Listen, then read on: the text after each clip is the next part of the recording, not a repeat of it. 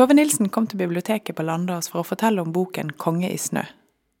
I denne romanen graver hun dypere i sin egen familiehistorie, og skildrer spesielt forholdet til sin far.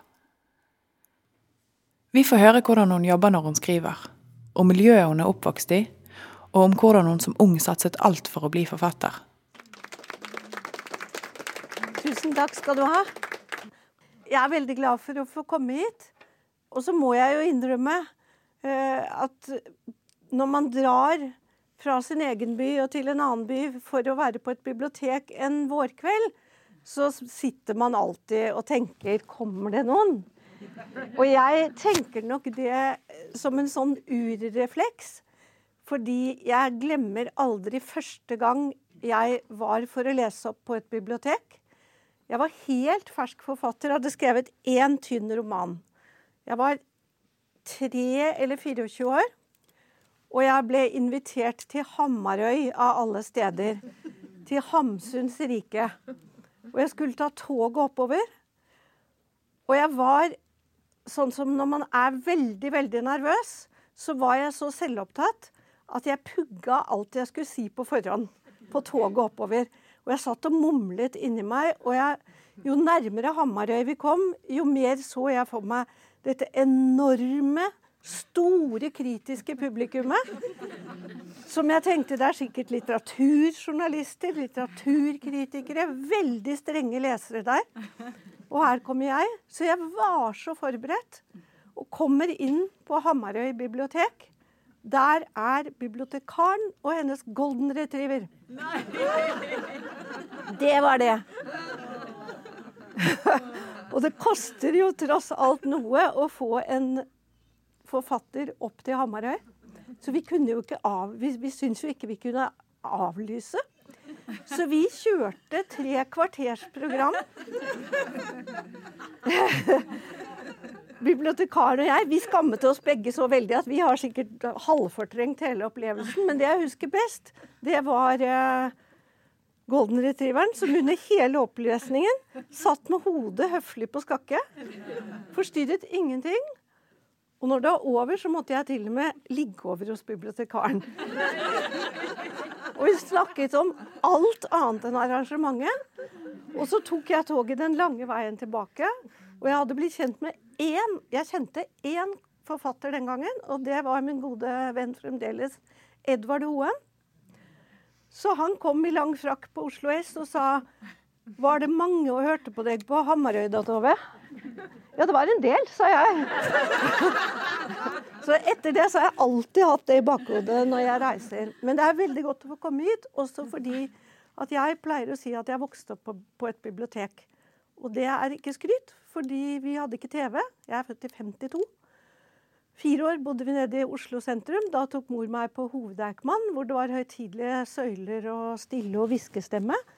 Og jeg ble fylt av lykke over at vi kunne ta med bøker i bag ut. Og så flyttet vi til, til drabantbyen Bøler. Og der var det ikke høytidsstemning og høytidelige søyler. Det var mer sånn som her. Og vi ble tenåringer og satt i en krok og brokte og ja, ikke alltid leste, men jeg leste meg gjennom hyllene. Og kan ikke tenke meg at jeg hadde blitt forfatter uten biblioteket. Jeg får hvert år masse mailer, før brev og nå mailer fra skoleelever som tvinges eller presses gjennom denne obligatoriske særoppgaven om en forfatter som ennå ikke har rukket å dø. Og da kommer det en sånn remse med spørsmål. Og det er så mange fine, interessante, modige spørsmål. Nederst står det alltid kan du være så snill å svare innen i morgen, for jeg skal levere oppgaven i overmorgen? Og jeg prøver alltid å svare. Og, og, så er det så rart, for det er altså da mange forskjellige slags, og ofte de utroligste spørsmål. Men i starten, de to første spørsmålene, det er nesten alltid likt. Det er hvorfor ble du forfatter, og når fant du ut at du skulle bli det? Og det er jo så enkle, men samtidig så dyptloddende, i hvert fall for en forfatter, så dyptloddende spørsmål at jeg syns det har blitt vanskeligere og vanskeligere å svare på. For jeg innbiller meg at jeg alltid har villet bli forfatter. Men det er jo noe tull. men jeg jeg kan huske den lykkefølelsen av å bli lest for, og å skjønne at bøkene kunne bli med hjem. Og jeg kan også huske veldig godt da jeg selv knekte alfabetets kode. Jeg vet ikke om dere husker det? Ja, det er sånn magisk det, jo, det, skjer jo ikke på en dag, men jeg husker den perioden veldig godt. Hvor jeg var enebarn og heldig, for det var bare meg de hadde å lese høyt for. Men uh, de leste så monotont, både mor og far. Det var sånn Donald-lesing. 'Jeg er konkurs, kvak, kvak', sier onkel Skrue. Og det var så kjedelig, og jeg tenkte jeg vil lese selv. Faren min var skipshandler. Jeg satt ofte på med han i varebilen hans før jeg begynte på skolen. Ut av byen på vei hjem til drabantbyen. Og over et handlesenter hang det et stort skilt, og jeg spurte om og om igjen hva står det der. Hva er det for noe? Og far hadde sagt det sikkert 100 ganger. Så jeg visste det jo, men jeg klarte ikke å sette det sammen. Før én dag, litt sånn magisk, så så jeg at det sto 'broiler kroner 9,90'. Og for meg er det rett og slett en, en litterær setning blitt. Fordi jeg så det, og så skjønte jeg noe med hvordan du setter sammen bokstavene, og hva slags mening det ga. Og fra og med da så er det jo sånn at da åpner jo litteraturen seg. Da åpner bøkene seg. og da, Det høres jo litt pompøst ut å si da åpner verdenslitteraturen seg, men det er jo det den gjør etter hvert. Eh, så det er den første, største gave jeg har fått. Jeg googler ofte det tallet hvor mange er det som ikke har fått den gaven. Og i dag er det 750 millioner mennesker som ikke kan lese. Cirka. Så for meg var det en stor lykke. Men når finner man det ut? Eh, jeg tror det begynte med det der å skjønne at noen må jo ha skrevet bøkene vi låner med oss hjem. Noen må jo ha lagd dem. Men det tar jo litt tid før man som barn skjønner det. Først trodde jeg egentlig de bare fantes. Og jeg bodde i åttende etasje i en høyblokk i en drabantby. Og det var mange der som leste. Men det var ingen som sa at de skrev. Så det når man begynte å bli tenåring og si 'jeg skal bli forfatter', det ville jeg aldri kunnet gjort i mitt miljø. Det ville utløst høy latter. Men jeg tror jeg, jeg vet at jeg prøvde første gang å skrive en bok da jeg var tolv. Eh, den har jeg fremdeles. Det er en kladdebok som begynner med en ung jente som reiser på ferie.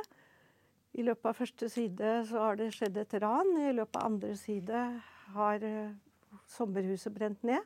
I løpet av tredje side drukner nesten hovedpersonen. Og da når jeg kom på fjerde side, så visste jeg ikke noe mer at hun må dø. Så da Tolv år gamle hovedpersonen døde på side fire. Det var en kort roman. Men jeg fortsatte å forsøke å skrive opp gjennom skoleår. Jeg skrev elendige dikt. Fulle av følelser og rim. Forferdelig dårlige saker. Dårligere enn de dårligste poptekster. Jeg skrev som mange jenter gjorde da, og sikkert nå, som liksom i dag er bloggen. Jeg skrev dagbok. Veldig personlig stoff. Hemmelig. Og jeg begynte å skrive på små skisser, og så skjønte jeg at det er dette jeg vil. Så etter ett år på videregående så gikk jeg til rektor og leverte tilbake bøkene mine. Eh, vi hadde en rektor som jeg tenkte på som en gammel og streng dame. Hun var yngre enn det jeg er nå. Var veldig myndig. Hadde hår i en topp. Var søster av daværende helseminister Carl Evang. Så da jeg var 17 år og sa 'jeg slutter nå, her er bøkene', så så hun lenge på midten av meg. Og så sa hun 'vi rydder i klasserommet, du får amme i timen'. Og jeg, jeg ble helt Jeg ble sikkert glorød, men jeg ble også helt stum. For det jeg skulle, var jo hjem og øve meg på å bli forfatter. Men det turte jeg ikke å si. Det jeg fikk i ryggen når jeg gikk ut, det var 'du kommer til å angre, du'. Jeg har aldri angra. Jeg har ikke angra. Jeg vil ikke råde mine egne døtre til å gjøre det, eller noen andre, men uh, for meg var det en enorm frihetsfølelse å gå ut av skolegården, 17 år, vite at jeg har ikke sett en forfatter noen gang. Jeg vet ikke hvordan man gjør dette, men jeg vil prøve å skrive. Så jeg sa hjemme at jeg skulle bli journalist, for det hørtes mer ryddig ut. Det er jo et ordentlig yrke. Og satt og øvde meg på leksepulten min. Og sendte små skisser og ting inn til Dagbladet, som den gangen ikke var en tabloidavis uten innhold, en stor utbredtsavis med masse kulturstoff. Så fikk jeg ting på trykk. Og så begynte da, da, begynte på en måte mitt forfatterliv. Jeg gikk opp i norsk skriftlig. Tenkte at jeg må ta det som privatist, siden jeg skal prøve å leve av å skrive. Analyserte et dikt av Tarjei Vesaas. Husker jeg veldig godt at jeg syns jeg gjorde poetisk, og strøyk. Gikk opp, kontinuerte, som det heter, eller gikk opp på nytt, da. Og analyserte et av de kristne budene. Syns jeg gjorde det saklig, og strøyk. Så jeg, min situasjon da var to stykker norsk. Og som, det er jo aldri noen som ber igjen kan du ikke være så snill å bli forfatter. Det er jo fordi det er et sterkt uttrykkstrykk, altså et trykk inni en. Som, og for meg, for noen er det musikk eller fotball eller, eller hva det nå er. For meg var det ordene og språket og det å holde på med ordene som, som ga mening. Så jeg debuterte første gang i urtiden, pleier jeg å si, i 1974. Like etter at jeg hadde gått fra skolen. Jeg hadde rukket å bli noen år eldre. Men um, da skrev jeg en historie som var uh, veldig preget og inspirert av mitt unge liv. Om en ung jente som hadde blitt gravid uten å planlegge det. Kanskje litt inspirert av den rektoren som så midt på kroppen. Eh, men aller mest inspirert av egen ungdomstid. Sendte den til det beste forlaget jeg hadde hørt om. Gikk og ventet i seks uker. Den gangen så mailet man jo ikke, så det kom det etter seks uker en pakke i posten som jeg hadde sett før, og det var manuskriptet. Med et lite grønt brev. Det, at det var grønt, det husker jeg så veldig godt.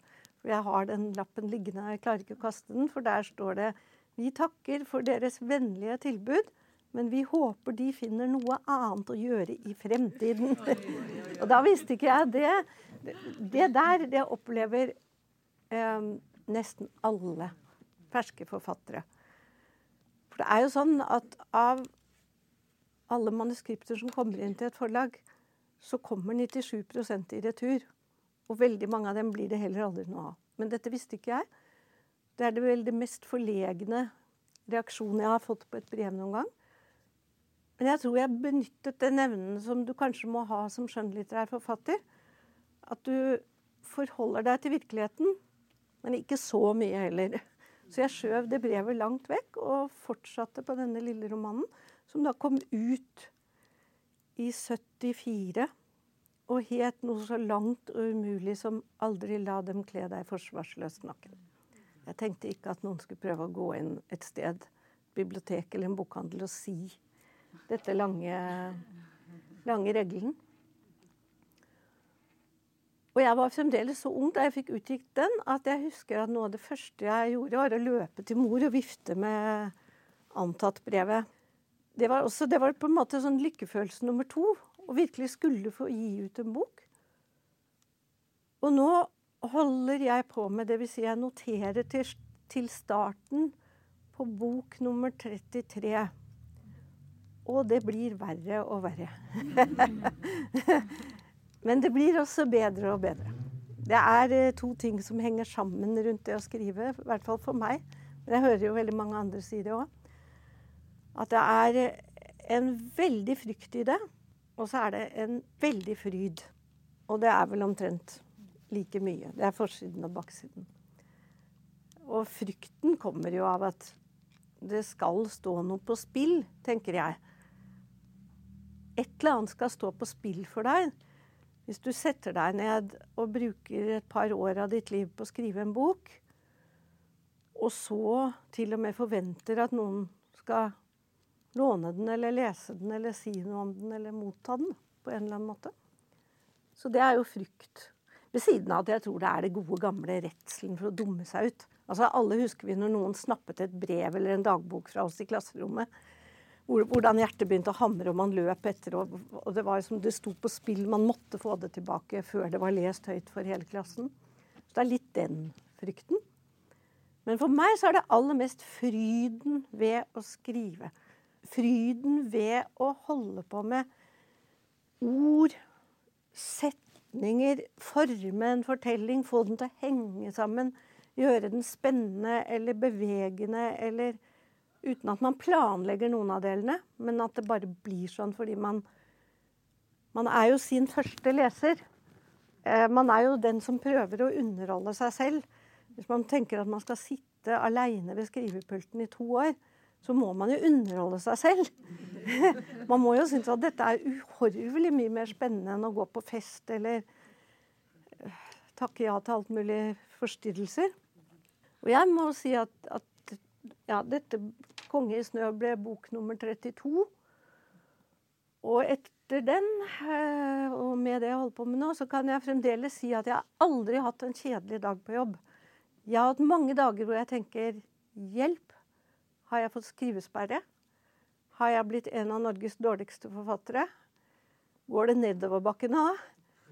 Men jeg har aldri hatt en dag hvor jeg har tenkt nei, jeg tror jeg finner noe annet som er mer spennende.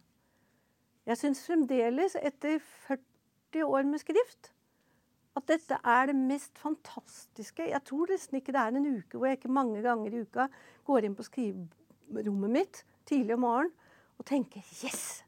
Yes! Dette får jeg holde på med. Det er helt utrolig. Dette var barndomsdrømmen min.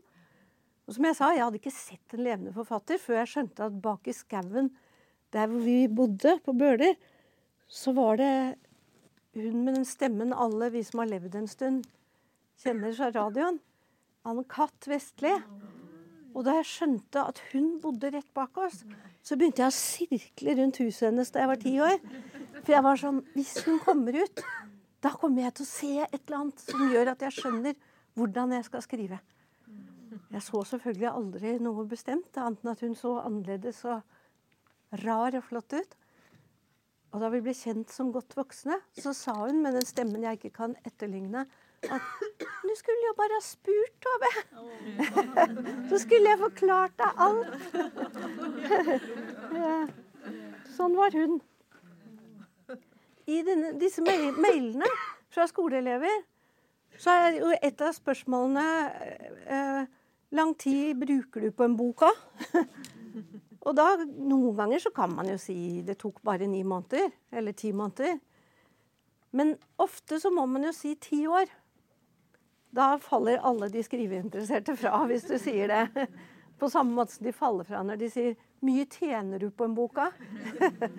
Ehm, så tror de at du skal si fem millioner og sånn. Men 'Konge i snø' den vet jeg at for ti år siden så begynte jeg, jeg har, sånn mitt, mitt, eneste arbeidsredskap, bortsett fra PC, det er jo og penn og papir, det er eh, alle notisbøkene. Og i en av notisbøkene skrev jeg for ti år siden 'Konge i snø?' spørsmålstegn. Er det en tittel? Og så begynte jeg å notere noe av det som er min fars familie, og etter hvert min mors families stoff. Og jeg visste allerede da at det er et sånn som mange av oss vet om familiestoff. At mange av oss har heftige familie... Ikke bare bakgrunner, men historisk stoff i familien som har en heftig karakter. Både privat og, og kanskje enda større. Og det visste jeg jo veldig godt om. Eh, og jeg visste at det kunne være spennende å skrive om. Men jeg kjente jeg må bli eldre. Jeg prøvde kanskje for fem år siden. Men jeg kjente da også at nei, jeg må bli godt voksen. Så var det noe som skjedde. Da jeg bikka 60, så kjente jeg for det første at nå kan du jo ikke ta ti og ti år i slengen da, og vente at det liksom Jeg venter til da og da, jeg. Ja. Men også at jeg tenkte at nå kan jeg bruke den forfatterstemmen det, det, Jeg vet ikke om dere har lagt merke til det, men veldig mange forfattere de skriver seg nedover i alder. Eh, og særlig kvinner liker å gjøre det. Fordi, ja, Sikkert av mange grunner. Men da tenkte jeg at jeg skal ikke skrive meg nedover. Jeg skal være akkurat der i alder hvor jeg er, og ha akkurat alle disse erfaringene du har når du er blitt eldre enn 60 år. Eh, så da, da var det noe som løsna. Og så var det også at jeg så at mens jeg skrev, så visste jeg at dette er et stoff som enhver anmelder kommer til å si at det er et selvbiografisk stoff. Og det er jo ikke lenger noe nytt. Altså, jeg har brukt mitt eget navn i bøker i, helt fra 80-tallet. Og etter Knausgård så er alle veldig, ikke vaksinert, men veldig vant med det selvbiografiske litteraturen. Og det har jo vært der hele tiden. Det var der hos Strindberg, og det har vært der i, hos svært mange. Men, men, det er så lett for kritikere å ta opp den 'dette er selvbiografisk'. Og da gjør det jo også at forfattere eh, må tenke gjennom ja, selvbiografisk på hvilken måte da? Eh, og da var det først når jeg så at det selvbiografiske i min familie er et historisk stoff som går så langt utover det selvbiografiske. Det kan man selvfølgelig si om alle familier, men, men det som var spennende her for meg, det var at min far ble født høyst uplanlagt i det som skulle bli til Øst-Tyskland, men som den gang var Saksen. Hans far var norsk student som studerte på grensa mot Tsjekkia. Han var forlovet hjemme i Norge og skulle bare hjem igjen etter studiene. Men han møtte en meget vakker tysk kvinne. Hun var egentlig ikke kvinne engang. Hun var bare så vidt rundet 20. Så gjorde han henne gravid. Eller hun gjorde seg gravid med ham. Så måtte forlovelsen hjemme i Norge brytes. Så kom dette lille barnet som ingen hadde planlagt, og som må ha forårsaket sjokk to, i to familier, en tysk og en norsk. Og så dro den norske studenten hjem igjen etter å ha giftet seg med den tyske kvinnen.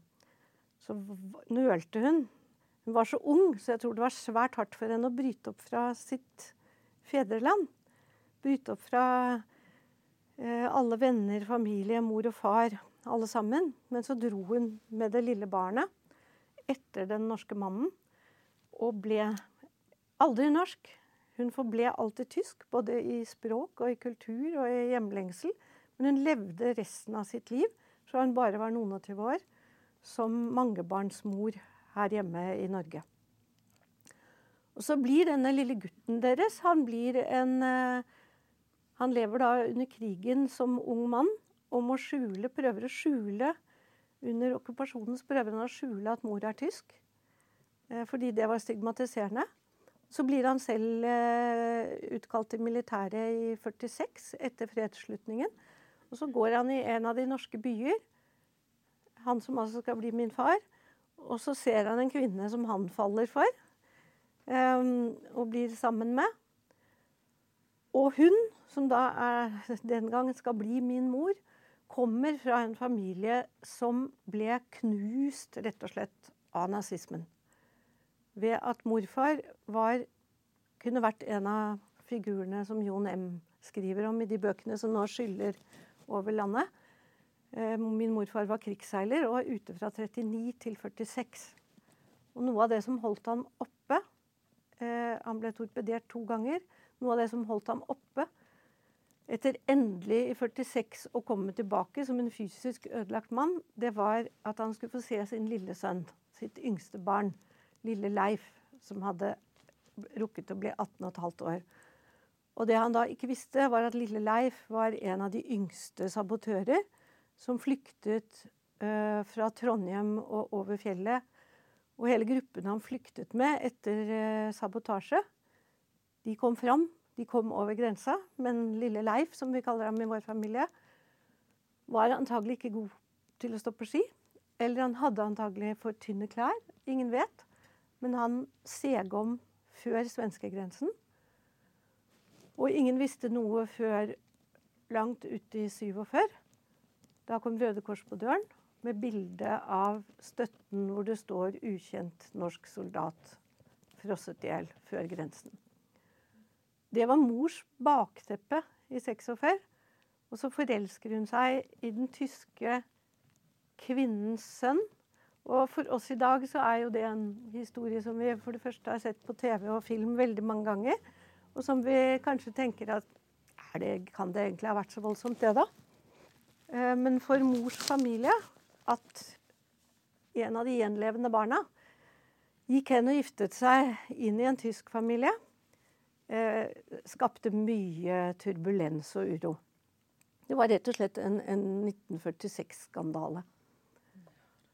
Og det lå i min familie, og som barn så visste jeg det selvfølgelig ikke. Jeg bare visste om all den turbulensen som var rundt familien vår. Eh, og som, som, også som da Som jeg ser på egentlig som Av og til ser man på et privatliv, og så ser man på ringvirkninger utover i historien. Men jeg liker jo heller å se på det som motsatt. At der ute var første verdenskrig, så var annen verdenskrig. Og disse to krigene, de slo eh, De hadde ringvirkninger inn i vår lille familie på Bøler. Så da jeg etter hvert begynte å lese historie og grave i, denne historien, så forsto jeg jo at det var et, et slags dramatisk historisk bakteppe. Eh, bak det som jeg kanskje bare kunne oppleve som et, eh, et litt turbulent og rart ekteskap. Men i et sånt stoff så ligger det så mange gaver for en hvis man er romanforfatter. Det er så mange gaver der. Én uh, er uh, min tyske farmor, som selv hadde mistet faren sin i første verdenskrig, i skyttergravene. Og senere alltid operert med en som vi i familien kalte far nummer to. For den første han døde, og så kom det en. Han fikk egentlig aldri noe ordentlig familiært fornavn. Han ble faktisk kalt far nummer to. Men i hvert fall, hun hadde jo da en sterk erfaring med første verdenskrig. Og det var jo ikke så lenge etter første verdenskrig at hun reiste til Norge med sitt lille barn. Og etter det, som ung, så fikk jeg alltid høre den forferdelige historien fra farmor. At på den tiden så var man jo så eh, lettet over freden i 1918 at man bakte fredsbrød og fredskaker, man solgte fredsliljer, og man sydde seg fredskjoler. Og min farmor, da hun dro, hadde hun fått sydd seg tre fredskjoler i tre forskjellige, tre ulike farger. Og så reiste hun alene med kofferter og bager og sin lille sønn som løp etter duene og var urolig og vanskelig å passe på perrongen. Og et eller annet sted mellom den tsjekkiske grense og Drammen by forsvant farmors fredskjoler. Og hun har snakket om dem, hun fortsatte å snakke om dem til hun var 90 år. Og for meg så er det en forfattergave av de store for da har jeg kunnet få dikte det, jeg, det rekker jeg ikke å lese, men da har jeg kunnet få dikte et helt kapittel om hva skjedde egentlig med de kjolene. En rød, en grønn og en gul. Hvem stjal dem? Fikk noen danse i dem? Fikk, fikk noen imponere en mann i dem? Var det en som rappet dem og solgte dem videre? Ble de hengende på et loft et eller annet sted i Europa? Og jeg har så mange ganger lurt på Kunne det hende at de hang i København? Kunne det hende at de hang i Berlin? Og når jeg har gått gjennom Berlin og sett opp mot loftsetasjer, så har jeg tenkt Tenk på alle klesposer som henger på gamle loft. Eller alle esker og kofferter fulle av gammelt rot som ingen ser på lenger. Tenk om farmors kjoler lå der. Så bare det er en sånn forfattergave å få lov til å spinne rundt.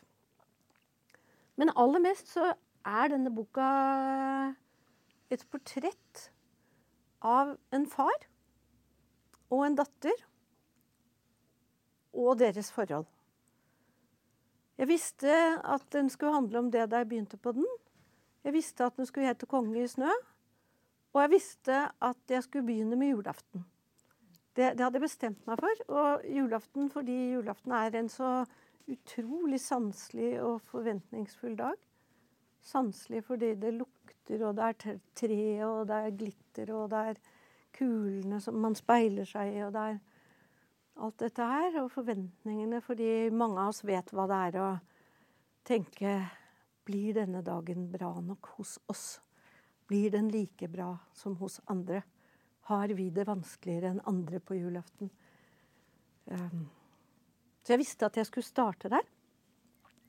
Og så visste jeg at det skulle være portrettet av en uh, spesiell og litt underlig far, rett og slett.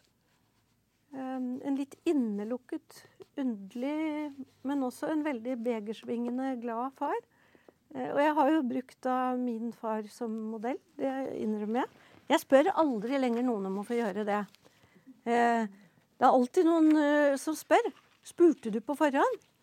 Så tenker jeg det skal jeg aldri gjøre mer. Jeg spurte en gang moren min da jeg ga ut en bok som het 'Sommer 2005', hvor det var en kvinne på 80, noen og 80 år som lignet veldig på moren min. Så, så mye at det ikke kan å ta feil. Og når jeg er ferdig med boka, så sa jeg mor, en kvinne her. Hun ligner noe så innmari på deg, både på innsiden og utsiden.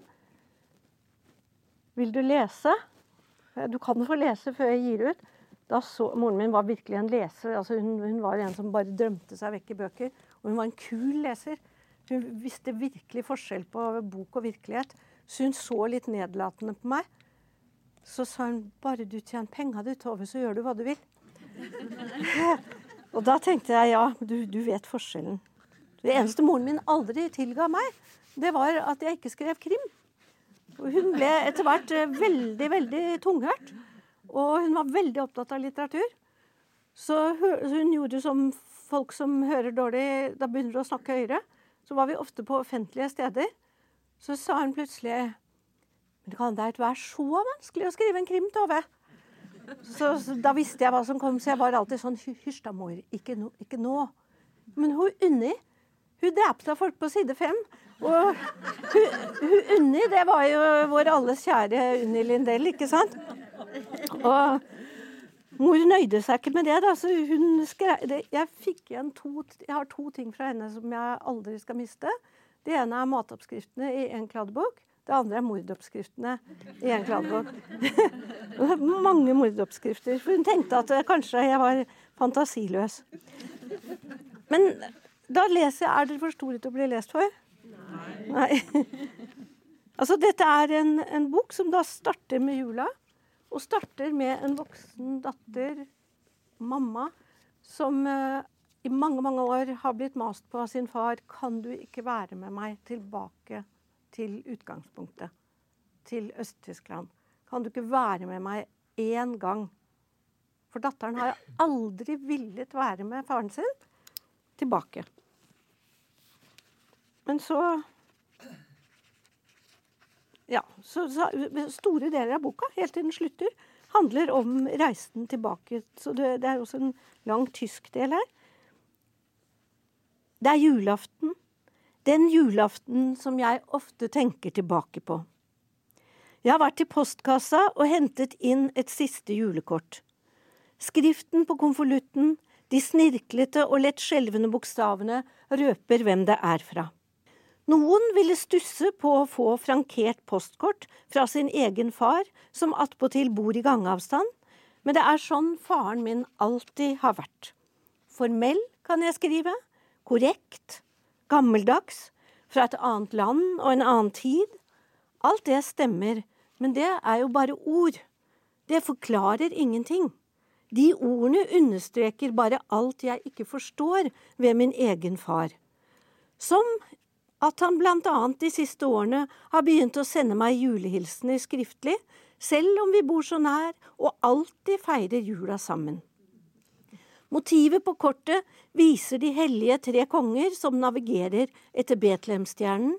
Inne i kortet står det Jeg ønsker deg en god jul, og at du kan fortsette med å skrive bøker i litteraturen. Med hilsen din far. Jeg legger fra meg kortet og kjenner øynene bli blanke. Jeg må tenke tilbake på de periodene da far gledet seg sånn til å se fotball-VM og skåringer. Få jeg kjenner har så stor glede av fotballkamper og skåringer som far. Helst skal de oppleves på en stadion, men de kan også ses på skjerm. Da sitter far i lenestolen, ytterst på setet, framoverlent mot det han aldri benevner som TV-en, men fjernsynsapparatet. Han sitter med én hånd på hvert kne, og det ender med straffespark. I sekundene før, mens spilleren som skal skyte, forbereder seg mentalt, forbereder far seg ved å si oi, oi, oi, i en bestemt og skjebnesvanger rytme. Oi, oi, oi! Spilleren går inn i ytterste konsentrasjon, det samme gjør far. Et sekund eller to ser det ut som om de begge transcenderer. Far og Pelé. Far og Beckenbauer. Far og Maradona. Far og fotballstjerner jeg ikke kan navnet på. Men skuddet går inn. Far roper aldri. Hever ikke armene over hodet. Spretter ikke opp.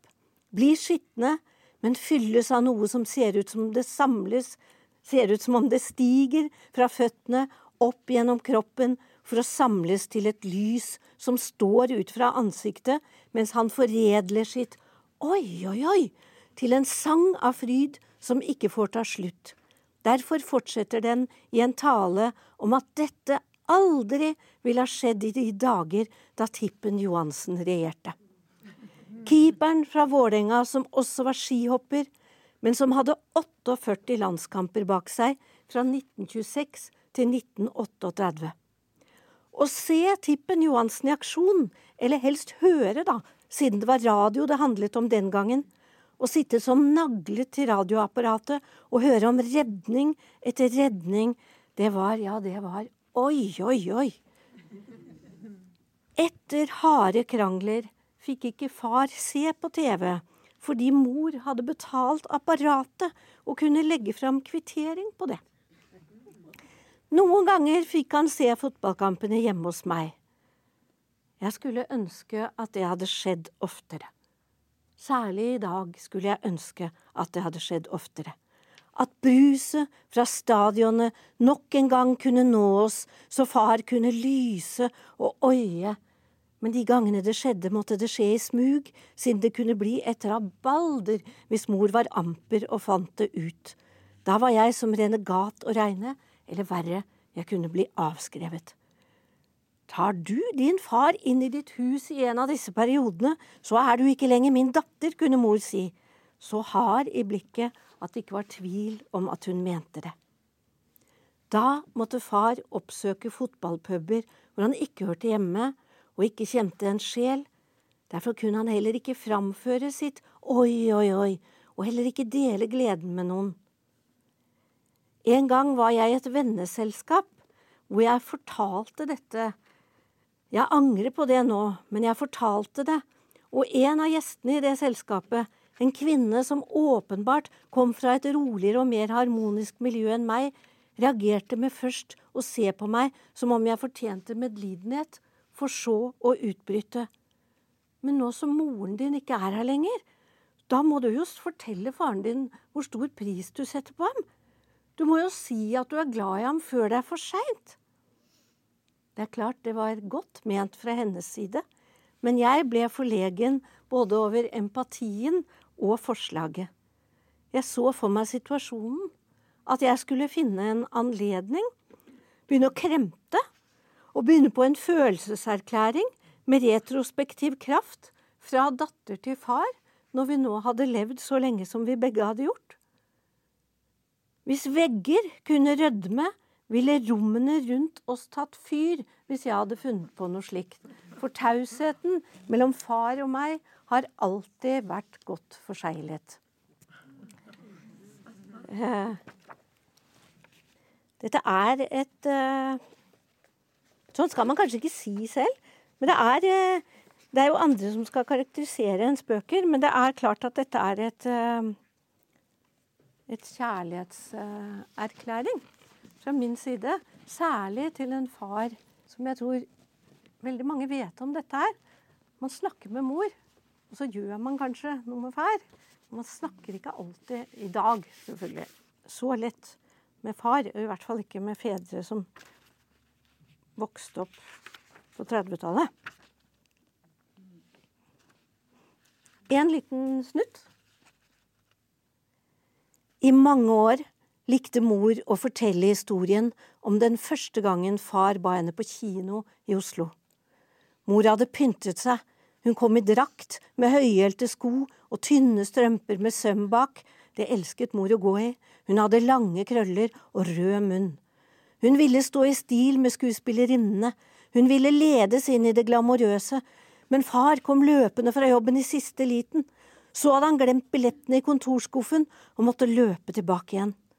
Kontoret lå like ved kinoen, han rakk det så vidt, men de måtte få hele raden til å reise seg, og det ble ergerlig mumling i mørket. Filmen var intens, salen satt grepet, under en av de sørgeligste scenene der en person døde under tragiske omstendigheter, begynte far å fnise. Mor kløyp ham i armen, og han forsøkte å ta seg inn, mens hele overkroppen ristet av undertrykt latter. Han klarte ikke å beherske seg, og fikk en latterkrampe som ikke lot seg stanse, og som gjorde at de to, mor med silkestrømpene med strek bak, måtte få hele raden til å reise seg igjen. Midt i det aller sørgeligste og tåredryppende måtte de brøyte seg ut av kinomørket, forbi mennesker som ble sinte over forstyrrelsen, mens far lo og lo og lo. Når mor fortalte den historien videre, lo hun også. Latteren hennes var så smittende, den slo et lys opp i øynene hennes, og det må ha vært gjenskinnet av forelskelsens lys. Det må ha vært det samme gjenskinnet som fikk mor til å smile overbærende den gangen far smuglet en plastpose med gullfisk inn i huset, fylte vasken på badet, lot slørhalene svømme fritt, for så å rope på meg og peke med et godt spilt, liksom himmelfallent uttrykk over hva som hadde kommet ut av springen da han skrudde på vannet.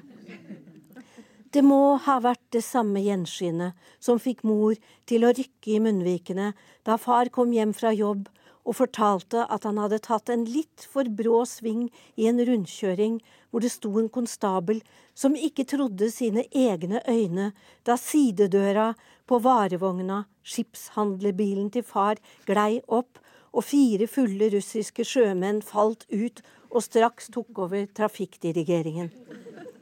Det må definitivt ha vært forelskelsens gjenskinn som fikk mor til å skjule smilet den gangen far sikret meg et av de beste barndomsminnene mine ved å rope meg inn fra leken med venninnene fordi han påsto at han hadde noe å vise meg. Jeg var sikker på at det var en av de tingene han aldri selv skjønte hvor kjedelige var. Et postkort med utenlandsmotiv eller et skipsbilde. Men der, i stua mellom mor og far i sofaen satt en ape. Ikke en lekefigur, men en ekte ape utlånt fra en sjømann bare for å glede meg. Tusen takk.